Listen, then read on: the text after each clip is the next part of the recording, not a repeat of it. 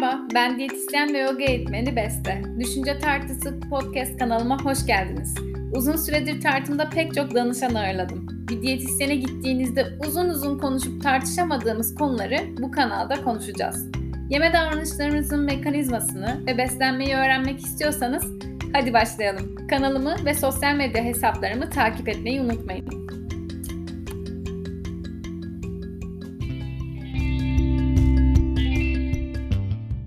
Yeniden merhaba. Bu programla neden podcast'le inişli çıkışlı bir ilişki yaşadığımı ve niye bir türlü program çekemediğimi anlatacağım. Konu başlığından göreceğiniz gibi mükemmel olamadığım için podcast yapamıyorum. Konumuz mükemmelliyetçilik üzerine olacak ve mükemmelliyetçilik üzerine bulduğum makaleler, bilimsel taraflar ve nasıl mükemmel olmadan yaşayabiliriz sorusunu yanıtlayacağım. Özellikle sizin de her yaptığınız işte hep bir eleştiri sunuyorsunuz kendinize. Her zaman en iyisini, en mükemmelini yapmaya çalışırken tam tersi kendinizi gömdüğünüzü hissediyorsanız bence bu programda anlatacaklarım size dokunabilir. Evet, bir sonraki konumuz da kadın sağlığı üzerine olacak ve bundan sonraki süreçte umarım düzenli podcast çekmeye devam edeceğim. 25 Ocak'ta paylaştığım ilk podcast yayınımdan itibaren neredeyse bir yıl geçti ve ben bu süreç boyunca gerçekten Kafamın içerisinde yaşadım her şeyi ve düzenli podcast bu yüzden de paylaşamadım. Beklentimin çok çok altında bir deneyim yaşadığımı hissettim. İlk başlarda çok kolay yapabileceğimi düşündüm bu işi ve benim yapacağım her iş gibi bu işin de çok harika olacağını, içime çok sineceğini hissettim. Ama bu benim için hayal kırıklığı oluşturdu. İlk yayınımı yaptıktan sonra her gün hayal kurmaya başladım ve sonra fark ettim ki uzun yıllardır ben bu davranış paternini sergiliyorum. Bu bende artık bir yolak gibi olmuş ve her yaptığım işte aynı konuyu yaşıyorum. Aynı hikayeyi yaşıyorum. Bir iş yapacaksam eğer ya da bir ders çalışacaksam veya evi temizleyeceksem bile bunun üzerine uzun uzun düşünüp planlar yapıyorum. Sonra bu planlara uymaya çalışıyorum. Uymadığımda da kendimi bayağı bir kamçılıyorum ve bu süreçte de aslında o işi bekletmiş oluyorum ve başlayamıyorum. Çünkü benim için yapılacak olan her işin, yapmam gereken her şeyin bir melisi, bir malısı oluyordu. Podcast içinse şöyle oluyordu. Giriyordum podcast kanalına ya da Spotify'a ve oradan podcasterların ses kayıtlarını dinleyip acaba nelere dikkat ediyorlar diye düşünüyordum. Ve sonuç olarak kendime bir sürü meli malı çıkartıyordum. Mesela mikrofon, mikrofonum mükemmel olmalıydı. Çünkü onların ses kayıtları harikaydı. Benimki de öyle olmalıydı. E, konu, anlatacağım konu çok güzel anlatılmalıydı. Akıcı ve akışkan olmalıydı ve siz beni hep dinlemeliydiniz. Sanki bütün podcasterların bütün konuları hep dinleniyormuş gibi.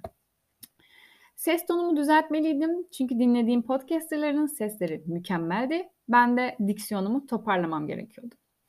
Ardından bu Melli Malılar büyüdükçe büyüdü ve en sonunda podcast'imi yapamayacak bir hale geldi. Çünkü sonrasında da kendime bahaneler bulmaya başlıyordum.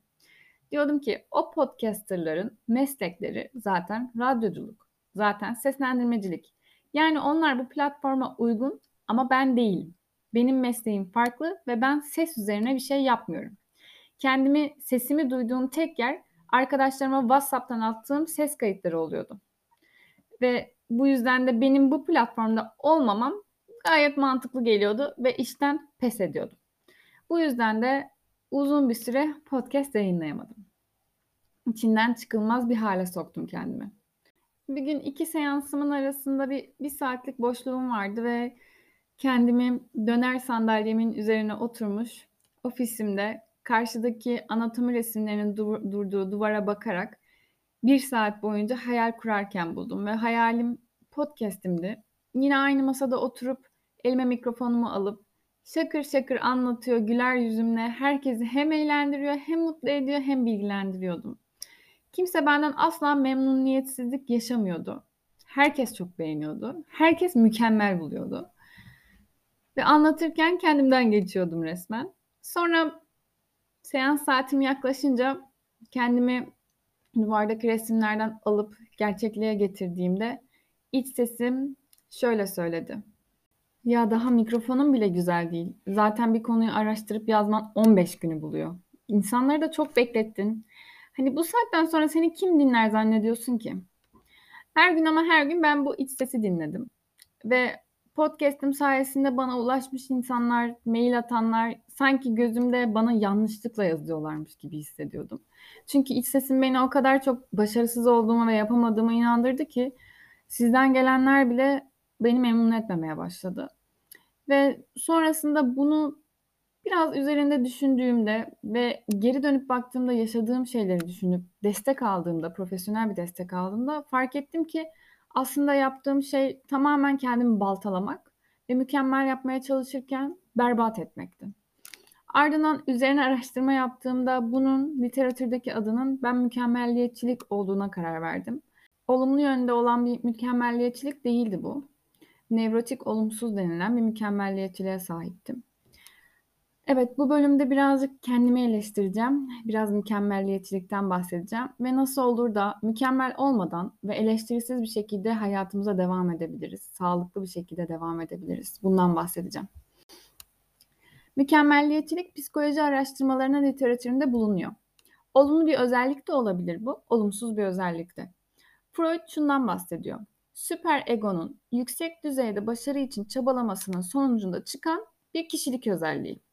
Maslow ise diyor ki mükemmelliyetçiliği sağlıklı ve insan gelişimi için gerekli olan bir özellik. Bunu öyle görüyor.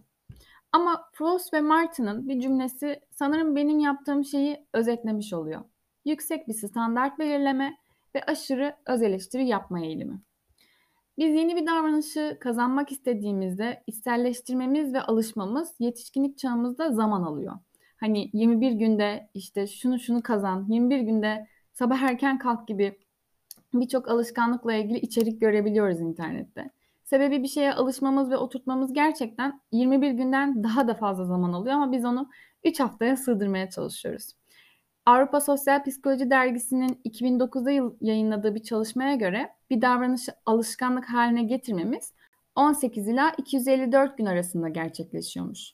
Ve bu davranışı otomatikleştirmemiz 66 gün alıyormuş. Yani 21 gün gerçekten sembolik bir rakam.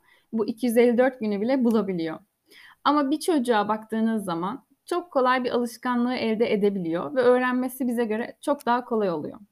Ve sanırım benim yaşadığım bir hikaye, çocukluk çağımda yaşadığım bir hikaye. Bu yaptığım eleştiri ve yüksek standart belirleme hedefini özetliyor. Orada içselleştirdiğim şey çok kolaylıkla benim bedenime işlemiş ve belki de ilerleyen zamanlarda sınav dönemi ve ailemin belki de öğrettikleriyle pekişmişti çevresel faktörlerle beraber. Yani en mükemmel olmaya çalışmak ve yapamayınca da kendini eleştirmek. Bizim sınıfımız ilkokuldayken 60 kişilikti. Çok kalabalık bir sınıftık ve neredeyse üçerli oturuyorduk sıralarda. Ve öğretmenimiz bizi 3 gruba ayırmıştı sınıfımızda üç sütun şeklinde sıralar vardı. Ve e, bu sıralar sağdakiler, soldakiler ve ortadakiler üçe ayrılmıştı. En montların olduğu duvar kısmı, kokulu montların bulunduğu duvar kısmı tembellerin oturduğu bölüm. Ortadaki sıra ortalamaların olduğu bölüm ve en sağdaki sıra cam kenarı ve güzel manzarası olan sıra ise çalışkanların bölümüydü.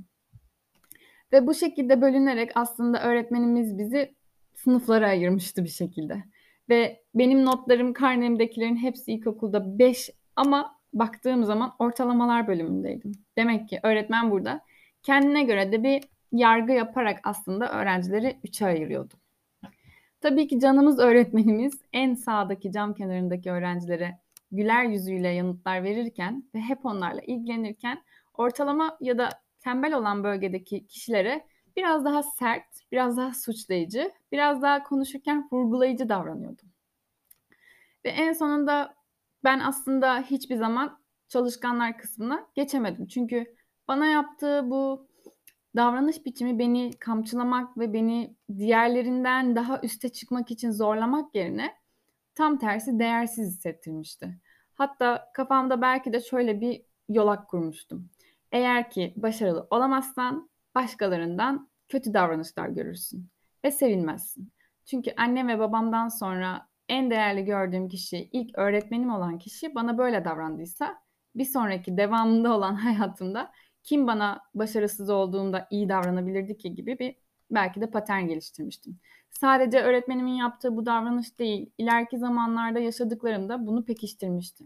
Burada mükemmelliyetçilik olumlu bir davranış biçimi olarak bende görülmedi. Çünkü hiçbir zaman mükemmel olmaya çalışırken tam mükemmeli hiçbir zaman yakalayamadım o eleştiriler yüzünden. Ama olumlu bir davranış da olabilirmiş mükemmelliyetçilik. Bunu Hamaçek 1978'de ikiye ayırmış. Normal olumlu mükemmelliyetçiler ve nevrotik olumsuz mükemmelliyetçiler. Normal mükemmelliyetçiler, nevrotik mükemmelliyetçiler gibi yüksek performans standartları belirliyorlar. Fakat nevrotikler gibi belirledikleri standartlara ulaşmadıklarında tatminsizlik yaşamıyorlar ve kendilerini katı bir şekilde eleştirmiyorlar. Bunun yerine oturup çalışma sistemlerini değiştirip daha fazla çalışarak o noktaya ulaşmak için çabalıyorlar. Yani mikrofonumun dandik olması ya da sesimin kötü olması veya anlattıklarımın anlamsız gelmesi aslında benim başarıya ulaşmak için daha fazla çalışmam yerine kendimi saçma sapan eleştirmemden ibaretti. Bu sanki şımarıklık veya da niye yapmıyorsun gibi bir soru işareti oluşturabilir sizde ama gerçekten yaptığımız davranışlar bazen o kadar yerleşiyor ki zihnimize. Onu kırmak ve sizin söylediğiniz gibi kolayca çalışmaya devam etmek ve başlamak çok da kolay olmuyor. Ve bence çoğu insan eğer ki buraya kadar dinlediyseniz zaten bunu yaşıyor ve bunu yaşadığınız için de bence buraya kadar dinlemeye devam ediyorsunuz diye düşünüyorum. Yani biz bize kaldık olumsuz mükemmelliyetçiler olarak. En sonunda eğer büyüdüyseniz ve biraz da farkındalığınız arttıysa ve düzgün düşünebiliyorsanız kendinizde bu davranış biçimi görebiliyor ve şunu diyorsunuz. Mükemmel olmak istemiyorum. Sadece olmak istiyorum ve yaptığım şeyden keyif almak istiyorum. Yani podcast'i dinlerken eğleniyorsam podcast yaparken de eğlenmek ve düşünmemek istiyorum. Ve bu yüzden de podcast'imi yapmaya başlamak istiyorum artık diyorsunuz. Ama yine de elinizden sanki biri tutuyor ve hani o mikrofona gidemiyorsunuz. Ben öyle hissediyordum. Ama sonra okudukça biraz daha gerçekten aydınlanma sağladı diyebilirim bana. Ve 8 tane madde belirledim kendime. Birincisi, mükemmelliyetçi yaklaşım olayları sürekli kişiselleştirmenize neden olabilir. Yani ben evi temizlemediysem ben titiz değilim gibi bir yargı oluşmaya başlıyordu bende. Hayır, başkalarının ses tonun iyi, benimkilerinin de kötü olması benim hatam değil. Yani bu işi yapamıyormuşum gibi değil. Ya da bir gün evi temizlemiyor olmam titiz olmadığım anlamına gelmiyor. Sürekli olayları kişiselleştirme birinci kuralım. İki, olaylar ikiye bölünemez. Yani başarılı ve başarısız kavramı hayatın her tarafına, yaptığın her işe yayılamaz. Bazen olaylar sadece olur, bir anlamı yoktur, bir başarı kavramı yoktur veya içinde başarıdan başka duygular içerir, başka hisler içerir. Evime aldığım kedimin her gün benimle yaşamasını olağan bulduğum gibi. Yediği mama miktarına göre onu başarılı veya başarısız diye nasıl yargılamıyorsam hayat da bir grafiğe benzemiyor ve her zaman kendini başarı ya da başarısızlık arasında sıkışmış bulmamaya çalış. 3. Tek bir sonuçtan olayları genelleme. Yani eğer iyi beslenmeye başladıysanız, burada size bir örnek veriyorum. İlk hafta kilo verme hedefi koydunuz ve o hafta bir sonucunuz olmadı. Bu hiçbir zaman sonuç gelmeyeceği anlamına gelmiyor. Ya senin başarısız olduğun anlamına gelmiyor. Daha önünde birçok hafta var ve tekrardan o döngüye girebilirsin, kilo verebilirsin. Tek bir sonuçla olayları genelleme. 4. Tamamlamadığın işleri gözünde büyütme. Tamamladığın işleri ise yok sayma. Geçmişte yaptığın birçok işi övmek senin de hakkın. Tamamlamamış bir işi ne kadar zihninde büyütürsen o iş o kadar da zorlaşıyor. 5. Geleceğe dair hayaller kurarken mantıklı, yapılabilecek, ulaşılabilecek küçük şeyler kur. O adımı tamamladıktan sonra hayalini tekrar yenile. Ve hayallerin senin benlik algını değiştirecek kadar büyüdüğünde sen de yorulacaksın. O yüzden hayallerini sana enerji verecek kadar büyüt ve onları tamamladıktan sonra tekrardan yenilersin. 6. Her yaptığın güzel işte kendini ödüllendirmeyi unutma. 7. Sıradan bir gün geçirmek seni sıradan yapmaz. Her halinle her zaman özelsin. Bazen bir gün evde hiçbir şey yapmadan oturabilirsin ve bu seni sıradan bir haline getirmeyecek. 8. Hayallerindeki standartları gözden geçir. İstediğin standartlarla şu an yaşadıkların arasında derin bir boşluk varsa mesleki doygunluğun ve yaptığın işten keyfin de o kadar az olacak. Aradaki boşluğu azalt ve yaptığın işten keyif almaya çalış. Benim kendime belirlediğim 8 madde bu oldu ve gerçekten kendime ilk hedefim bir podcast yayını yayınlamaktı ve içinden gelen en büyük yayın bu oldu. Ve ben bir psikolog ya da psikiyatr değilim. Verdiğim bilgilerin hiçbiri kesinlik veya %100 doğruluk payı içermiyor. Bunlar sadece benim deneyimlerimdi. Ve podcastimin kanalı bir düşünce tartısı olduğu için ben bunları düşündüm ve sizlere sunmaya geldim. Umarım buraya kadar dinlediyseniz size bir fayda göstermiştir. Ve umarım sevmişsinizdir. Sevmeseniz bile ben yine de kendimi iyi hissetmeye devam edeceğim. Ve bir sonraki bölümde görüşmek üzere. Kendinize çok iyi bakın.